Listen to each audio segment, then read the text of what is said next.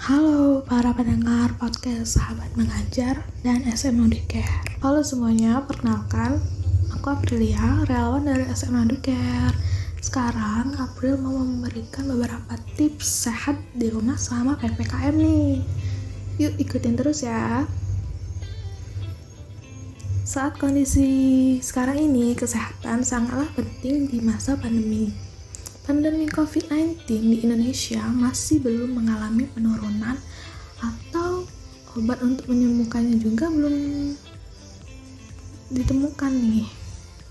Hal tersebut membuat masyarakat semakin sadar untuk menjaga kesehatan guna memutus mata rantai penyebaran COVID-19.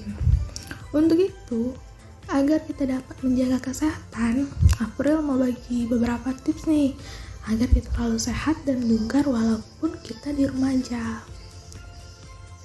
Yuk simak baik-baik ya. Yang pertama ialah selalu menjaga kebersihan. Menjaga kebersihan adalah hal wajib di saat sekarang ini. Hal paling sederhana untuk menjaga kebersihan ialah mencuci tangan. Mencuci tangan dapat dilakukan dengan menggunakan sabun dan air yang mengalir. Durasi cuci tangan juga sebaiknya 20 detik agar kuman-kuman ikut hilang juga. Cuci tangan harus dibiasakan baik jika kita akan mulai makan, kita dari luar mau masuk rumah. Yang kedua, mengkonsumsi makanan sehat.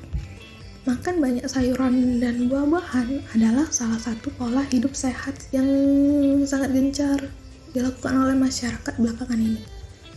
Sayuran dan buah memiliki sumber serat, vitamin, mineral, serta bahan lainnya yang sangat dibutuhkan oleh tubuh kita.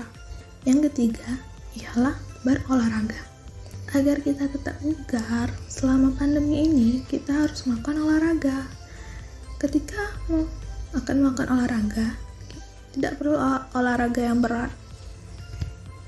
Olahraga ringan seperti jogging, berjalan di sekitar rumah atau bersepeda sudah cukup agar badan kita tetap bergerak dan mengeluarkan keringat. Selain dari kegiatan di atas, kita dapat melakukan aktivitas lain juga seperti membersihkan rumah juga dapat menjadi pengganti olahraga itu sendiri. Yang terakhir yaitu dengan minum air yang cukup. Selain dari mengonsumsi buah dan sayur, kita juga perlu asupan air yang cukup agar kita tidak ter tidak dehidrasi. Sebaiknya konsumsi air minimal 2 liter atau setara dengan 8 gelas setiap harinya. Air memiliki banyak manfaat seperti menyalurkan oksigen ke seluruh sel tubuh, sehingga sistem peredaran darah tetap lancar. Selain itu, air dapat juga membersihkan racun berbahaya dari tubuh dan menjaga fungsi ginjal agar tetap sehat. Nah, dari tips beberapa tips di atas dapat kita simpulkan yaitu yang pertama ialah selalu menjaga kebersihan di mana pun kita berada. Yang kedua adalah mengkonsumsi makanan sehat, baik itu sayur ataupun buah. Yang ketiga ialah rajin berolahraga. Dan yang terakhir ialah minum air yang cukup. Sepertinya sampai di sini dulu ya podcast hari ini. Saya Aprilia pamit undur diri dulu. Semoga dari apa yang kita bahas tadi bermanfaat untuk teman-teman. Dan jangan lupa tetap jaga kesehatan dan patuhi protokol kesehatan.